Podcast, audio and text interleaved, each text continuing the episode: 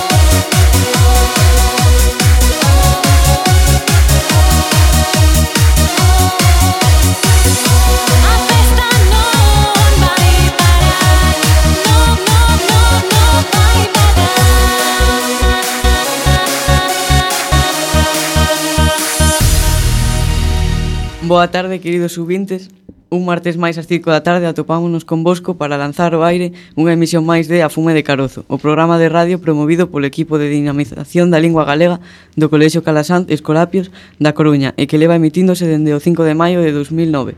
Os alumnos do noso centro teñen neste programa un voceiro perfecto para expresar as súas inquedanzas en galego a través dos máis variados temas. Hoxe atopámonos aquí para falarvos dun tema do que se fala moi pouco, pero que esperamos e desexamos que sexa máis habitual nos vindeiros tempos. Falaremos sobre a ciencia en Galicia. Sí, existe, aínda que algúns pensedes que non. Está claro que non somos unha potencia científica como outros países, pero iso pásalle a case todas as nacións xa que a produción científica está dende hai bastante tempo concentrada nuns poucos países e centros de investigación, como universidades e grandes empresas. Pero ao longo da nosa historia xa tivemos persoeiros do, do, de certo peso que fixeron as súas achegas científicas nos máis diversos campos, como hoxe compro, comprobaredes. Os seus nomes non son moi coñecidos, pero tamén é certo que moitas rúas das nosas cidades levan os nomes de algúns deles para honrar a súa, a súa figura ante todo o descoñecemento case xeral da poboación común. Hoxe imos intentar que se desco descoñecementos non sexa tanto. E tampouco debemos esquecer algúns colectivos ou empresas que se formaron no pasado e que melloraron o coñecemento científico de Galicia, como o Seminario de Estudos Galegos, a Misión Biolóxica de Galicia, a Granxa de Experimentación Agrícola del Viña, hoxe en Mabegondo, etc. Concretamente, hoxe falaremos sobre a ciencia na cidade da Coruña, porque non montas, moitas cidades do mundo poden presumir de ter catro museos científicos, e aquí tamén pasaron cousas que son moi salientables. Antes de comenzar a debullar os contidos de hoxe, poñeremos algo de música, pero non debemos facelo sen antes presentarnos as persoas que hoxe vos imos acompañar. Eh, eu son Diana Varela Rodríguez. Eu Marta Torres Vales. Eu Nicolás Domínguez Rodríguez. Eu José Antonio Varela Gómez. Eu Pablo Hermida Albo. Eu Lucía Pepe López. A música que nos acompaña hoxe será o disco Milladoiro 3, editado polo grupo Milladoiro no ano 1982, e que está considerado un dos discos máis importantes da historia da música galega. A primeira canción titúlase Aires de Pontevedra, a ver se vos gusta.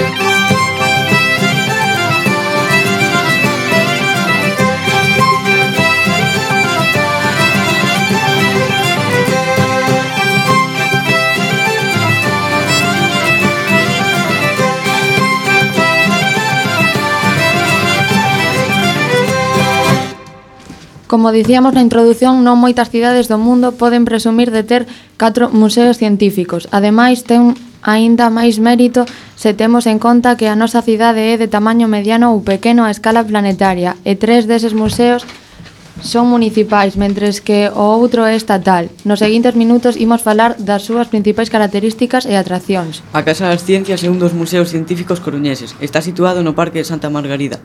Contén, entre outras cousas, módulos para experimentar fenómenos sorprendentes, unha incubadora onde se pode ver nacer pitiños de galiña, exposicións e un planetario que ofrece programas en directo grabados.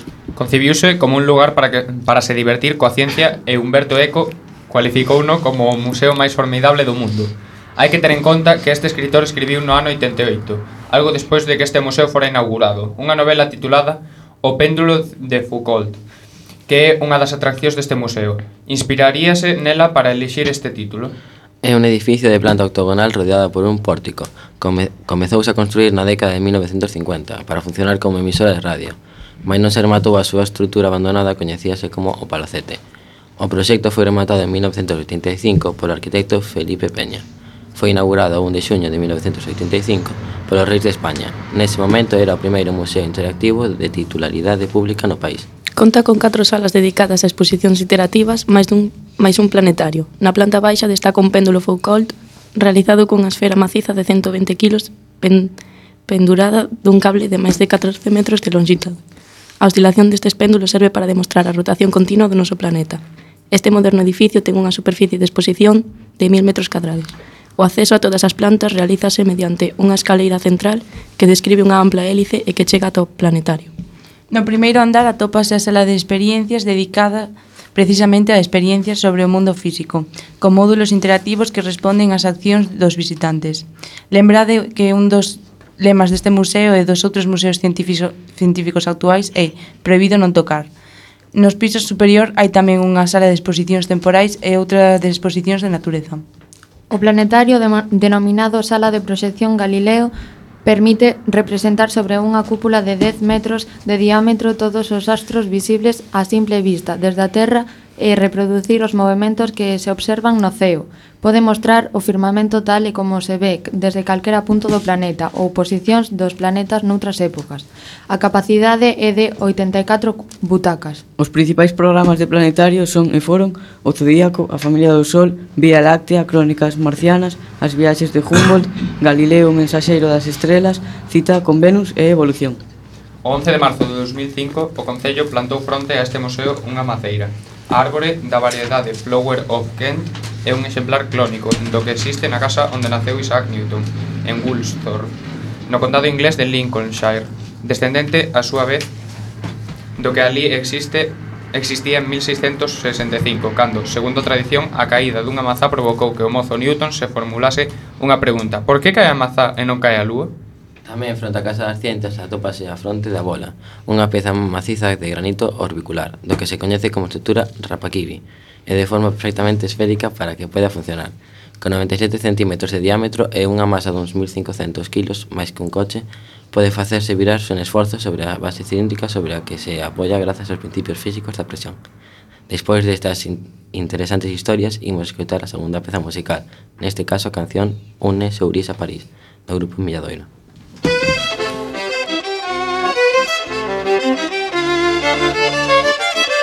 Thank you.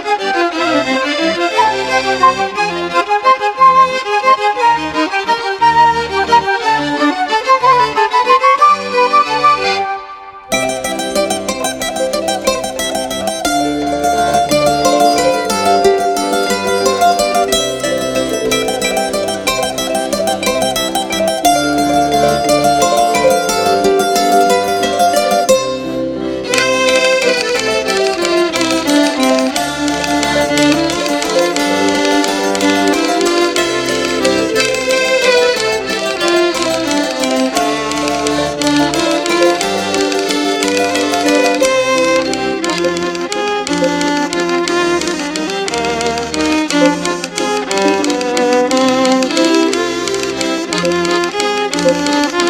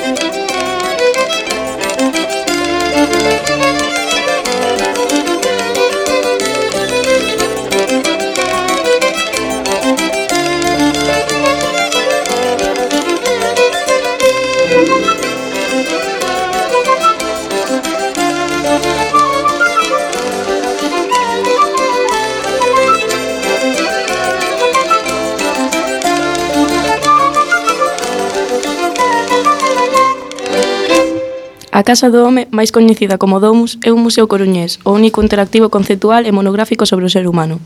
Algunhas das súas montaxes máis interesantes son unha colaxe que representa a Gioconda, realizada con 10.062 fotografías de persoas de todo o mundo, imaxes dun parto, elaborar un menú e comprobarse equilibrado ou ver os latidos do propio corazón.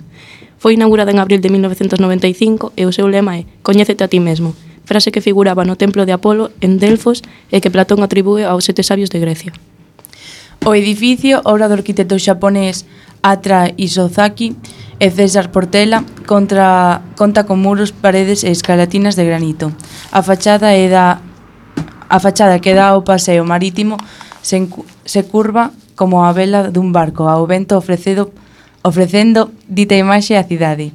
Ademais, conta cun revestimento de 6.600 pezas de lousa dunha canteira en Galicia, entre as provincia, provincias de Lugo e Ourense, que se sosteñen con case 160.000 parafusos axustados manualmente. Para o encaixe do edificio na canteira onde se sitúa tiveron que ser escavadas máis de 30.000 toneladas de pedra.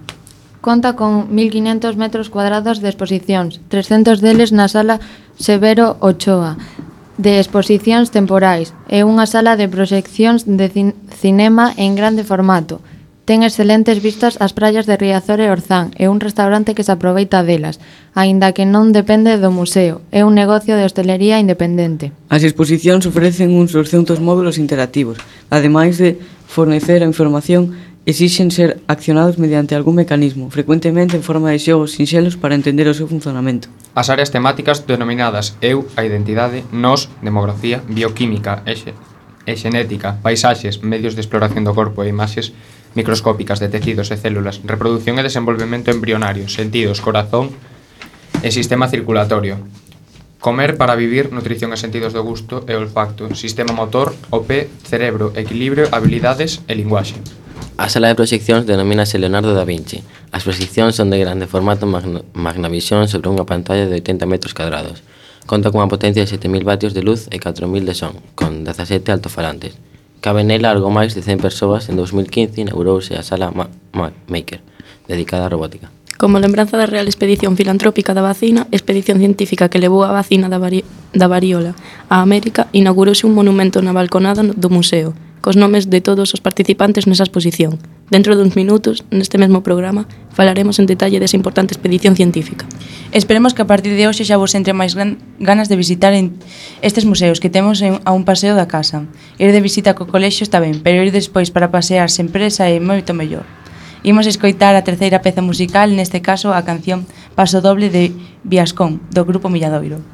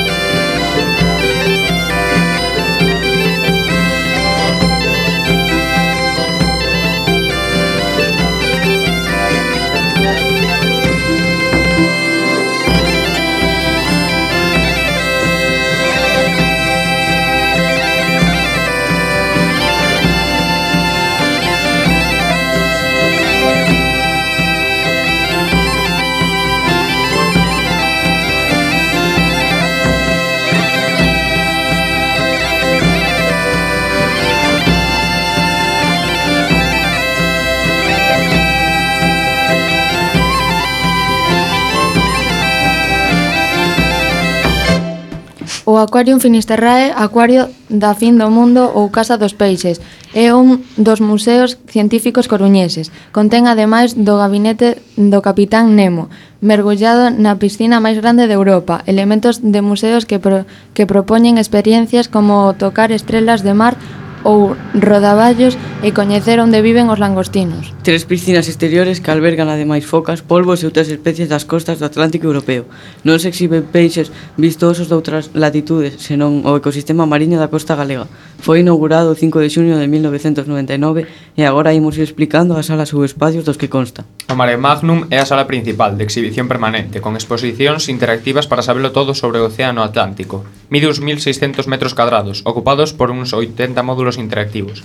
Alberga a máis de 600 especies atlánticas e é un espazo excepcional onde se celebran ceas de gala cunha capacidade para 350 persoas. Entre os módulos interactivos destaca a Poza de, Car de Caricias, onde os visitantes poden tocar algúns animais mariños como as estelas de mar ou os ourizos de mar. Tamén hai módulos dedicados aos nos mariñeiros, os cheiros de algunhas especies mariñas, o canto de algúns paxaros e coñe ou coñecer a cantidade de agua que pode chegar a albergar unha esponxa. Tamén se atopan na sala varios módulos que non son interactivos, como o tanque das medusas, a pequena exposición de fósiles mariños ou o acuario de cabaliños do mar. O máis importante é un tanque circular, a entrada da sala, dedicado á presentación dun animal en particular. Desde xuño de 2012 está dedicado a sepias. Os cinco acuarios de gran volumen atópanse separados por bancadas do resto da sala. E cada un e cada un deles representa un ecosistema diferente da costa galega, desde o cantil á plataforma continental. Neles atópanse, entre outros, moreas, congrios, raias, robalizas, carabachos e peixes de San Pedro. O Nautilus é unha sala envolvida por unha piscina enorme, de 4,4 millóns de litros onde nadan os maiores peixes do Atlántico.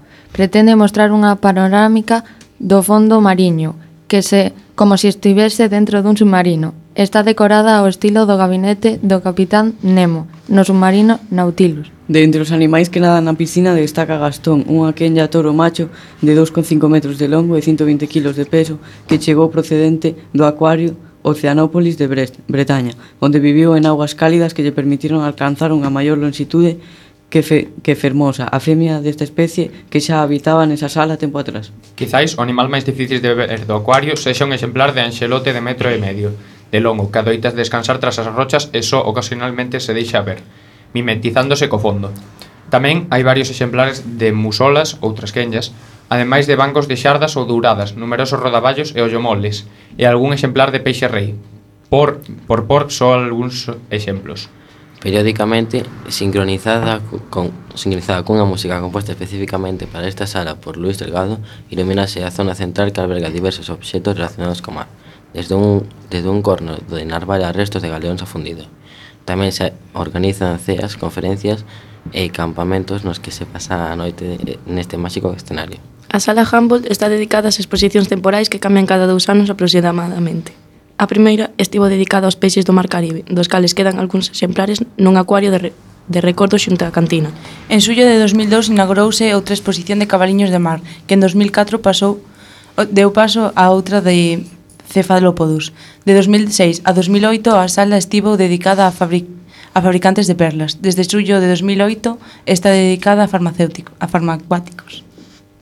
En nove acuarios observan, observáronse algúns dos principais produtores de perlas, desde ostras a tridacnas ou nautilos, rodeados de fauna máis común no seu ambiente natural, como o pez payaso, anemones, pepinos, pepinos de mar ou espirógrafos.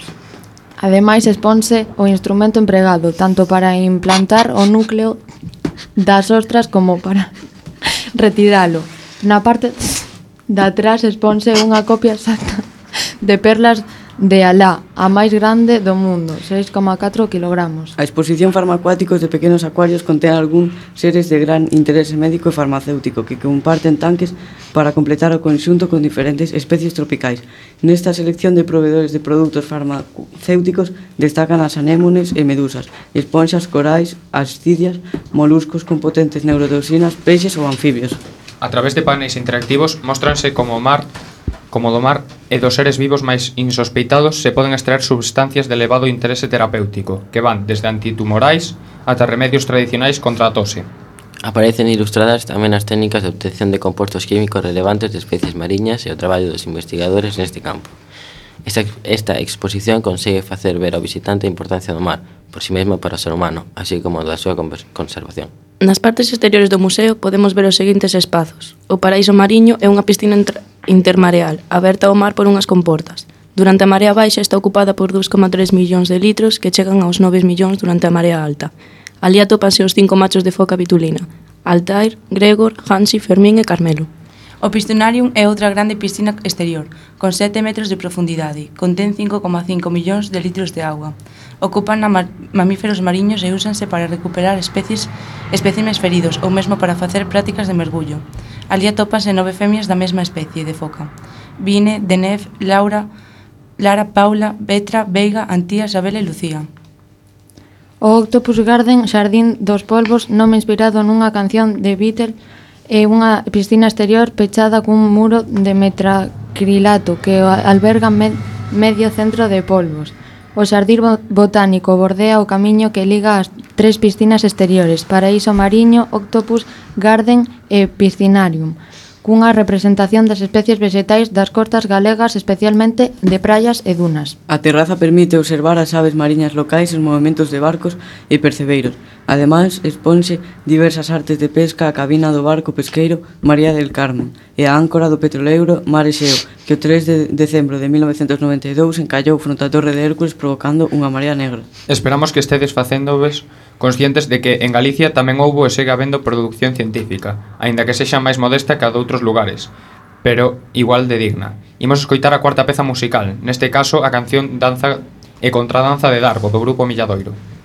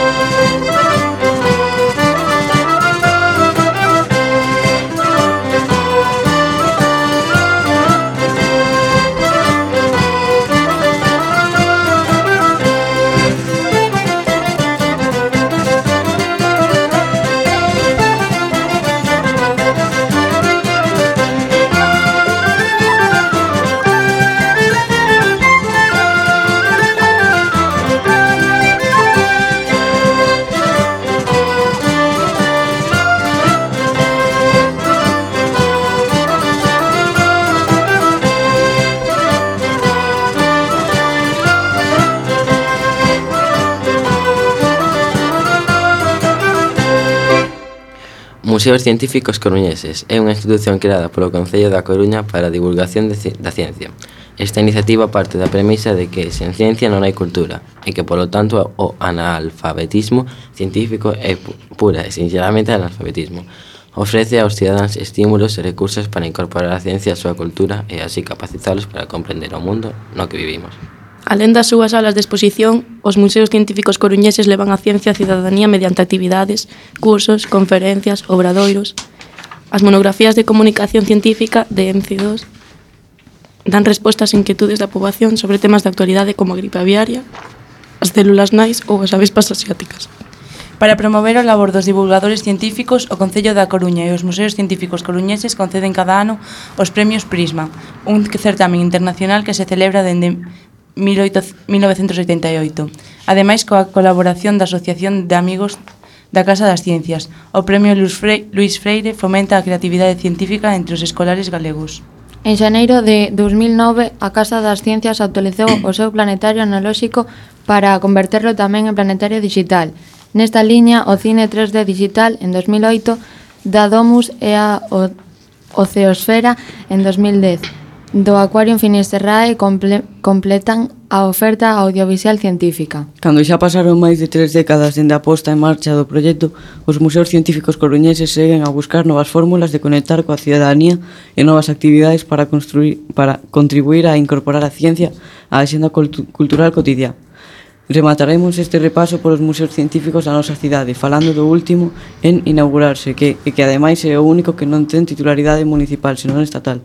O Museo Nacional de Ciencia e Tecnoloxía, tamén chamado MUNCIT, ou Museo Nacional de Ciencia e Tecnoloxía de España, é un museo dependente da Secretaría de Estado de Investigación, Desenvolvemento e Innovación do Ministerio da Economía e Competitividade e está xestionada pola Fundación Española para a Ciencia e a Tecnoloxía, FECIT. A súa sede principal está na Coruña e ten outras dúas sedes en Madrid e, Alcom e Alcobedas. No museo expóñense diversas pezas de historia tecnolóxica de España e Galicia, entre as que están algunhas relacionadas coa cidade da Coruña, como a anterior lanterna da Torre de Hércules que funcionaba entre 1857 e 1904. Tamén se pode ver unha pequena exposición de, de, da historia tecnolóxica en España, iniciativas industriais e a evolución dos medios de comunicación escritos e informativos. As características arquitectónicas do edificio posibilitan a exhibición de pezas de gran volume, maquinaria industrial, vehículos de transporte, etcétera, unha virtude excepcional que fixo posible a instalación da parte dianteira e o tren de, de aterraxe do Boeing 747 que trouxe o Guernica de Picasso dende Nova York, doado por Iberia, ou a montaxe do primeiro acelerador de partículas deseñado e construído na Xunta de Enerxía Nuclear cara 1957.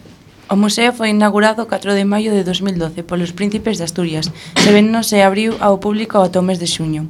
O edificio fora construído pola Deputación da Coruña e a ser unha escola de artes. A construción chamada Prisma de Cristal deseña deseñada por Victoria Acebo e Ángel Alonso gañou o primeiro o primeiro Nobel da novena Bienal Española de Arquitectura e Urbanismo e foi reconvertido con pequenas modificacións na sede principal do Muncit e un edificio de formigón e cristal con dous andares abertos e comunicados a diversos niveis. A maqueta a maqueta do edificio exhibiuse no Mo MoMA de Nueva York como un dos mellores deseños arquitectónicos actuais. Desde os exteriores do prisma podes observar como unha caixa de cristal a cubilla o que no seu interior mostrarase como dous edificios nun, unha árbore cuxas ramas son imponentes bloques de formigón contén todos os servicios do museo. Entre estas ramas e o envoltorio de vidro quedan definidas as salas de exposicións de diferentes tamaños e alturas, todas elas cheas dunha luminosidade difusa. As salas das que, esta, das que consta este museo reciben os seguintes nomes Miscelánea, Maiúsculas, Patrimonio, Innovación Española, Iberia, Século XX e a Sala de Exposicións Temporais. Imos escoitar a quinta peza musical, neste caso a canción do folclore británico Greensleeves, versionada polo grupo Milladoiro.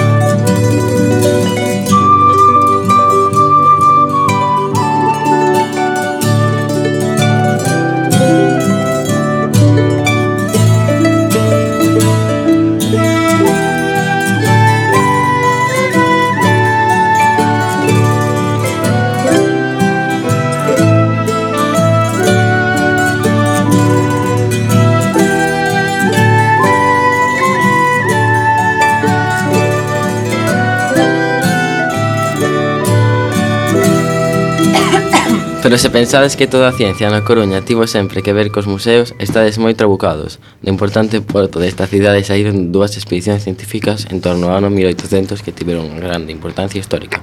Alexander von Humboldt, nado en 1700 769 en Berlín e finado en 1859 na mesma cidade, foi un intelectual, naturalista, polivalente e explorador alemán. Foi etnógrafo, antropólogo, físico, xeógrafo, xeólogo, mineraxio mineraloxista, botánico, vulcanólogo e humanista e sentou as bases de moi diferentes ciencias como a xeografía, xeoloxía, climatoloxía e oceanografía. Como vedes, dedicouse a moitas cousas, pero destacou polas súas expedicións científicas. En 1779, con apenas 20 anos de idade, fixo a súa primeira viaxe científica de carácter científico. Pasado polos Países Baixos, Alemanha e Inglaterra, principalmente ao longo das marxes do río Rin. A súa viaxe exploratoria por América Central e América do Sur en 1799 e 1804 e pola Asia Central en 1829 tornárao mundialmente coñecido xa antes da súa morte. A súa principal obra é Cosmos, formada por cinco volúmenes, volumes, que é unha con coderación do coñecemento científico de, da, de súa época. A súa correspondencia con colegas científicos compónse de 35.000 cartas, das cales aproximadamente 12.500 están arquivadas. Alén das ciencias naturais foi tamén un influente mecenas da literatura, pois apoiou, apo, apoiou a poetas como Heinrich Heine, entre os entre os seus amigos e coñecidos estaban Gauss, os irmáns Grimm, Goethe e Schiller. Entre 1799 e 1804 Von Humboldt viaxou por América do Sur, explorándoa e describíndoa por primeira vez desde un punto de vista científico. Iso xa o dixemos antes, sabedes por que o repetimos? Porque xa trascendental expedición comezou na cidade da Coruña. O almirante Bougainville, célebre navegante e explorador, propuxe a Humboldt participar nunha expedición por América do Sur, México e California, atravesando o Pacífico. Bougainville se, será substituído por Baudin, pero unha pero unha guerra fai que se anule a expedición. O botánico Aime Bonplan debería, como Humboldt, participar na expedición de Boadín, de Baudín. Inician unha boa amizade e deciden unirse á expedición científica que segue as tropas de Napoleón no Egipto. O barco que debían tomar xa máis partiu de Marsella, onde foran para esperalo. Deciden entón ir a España para embarcar nun navío para Esmirna. Esmirna. Durante as seis semanas de viaxe, Humboldt realiza meticulosas medidas xeográficas. Ao verse truncada a posibilidade da, da exploración de África, Humboldt decide realizar unha viaxe de exploración a América do Sur. É, repre, é representado ao rei e a raíña de España, dos que obtén un pasaporte co, solo, co selo real, que lles garante a asistencia das autoridades que atopasen. Bonpland tórnase oficialmente secretario de Humboldt. Os dous foron os, os primeiros en efectuar unha explora exploración científica ao continente digna deste nome, A ambición de Humboldt dur durante esa viaxe ás Américas era a de descubrir a interacción das forzas da natureza e as influencias que o ámbito geográfico exerce sobre a vida vegetal e animal. Con esas poderosas recomendacións en, embarcan no barco Pizarro, na Coruña, o 5 de xuño de 1799. Durante estas expedicións fixeron absolutamente de todo, medias astronómicas, meteorolóxicas, de magnetismo, de temperatura e da composición química do mar. Soben ao Teide en Tenerife, onde fixeron unha breve escala, escala. Observan chuvias de meteoros as leónidas. Descobren o canal do, Casica, do Casiquier, que é unha comunicación navegable entre os sistemas hidrográficos do Orinoco e do río Amazonas. Recollen diversos espécimes animais e plantas descoñecidos, entre elas anguías eléctricas que lles producen violentas descargas. Cruzan a pé, dos and a pé os Andes, pasando 12 meses en altitude a través dos volcáns. Escalan o Pichincha e o Chimborazo, pico considerado na época como o máis alto do mundo. Chegan ás fontes do Amazones. Amazonas. Estudan as propiedades fertilizantes do guano, cuxa introducción en Europa moito se debeu ás súas obras. Pasa no ano pasa no ano de 1803 percorrendo México, entre outras cousas, estudando o calendario azteca. Antes de voltar a Europa, desvíanse a Estados Unidos para ter un encontro con Thomas Jefferson, daquela presidente dos Estados Unidos. Discuten sobre historia natural, costumes diferentes de acordo co país e as maneiras de mellorar o nivel de vida. Os dous homes entenderonse tamén que Jefferson convida a Humboldt a morar na casa del. Voltan para Europa e chegan a Burdeos o 3 de agosto de 1804. Imos escoitar a sexta peza musical, neste caso a canción Camiño de Chans, do grupo de que hoxe nos acompañou, Melladoiro.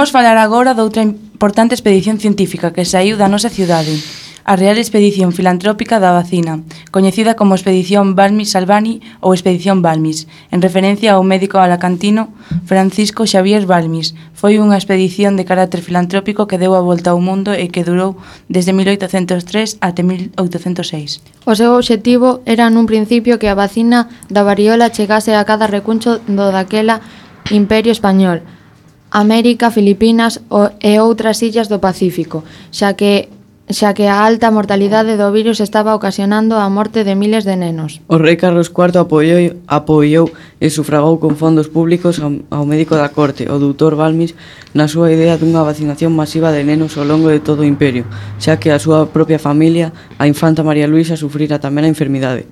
Até entón, a variola mataba, desfiguraba ou incapacitaba unha parte moi importante da poboación.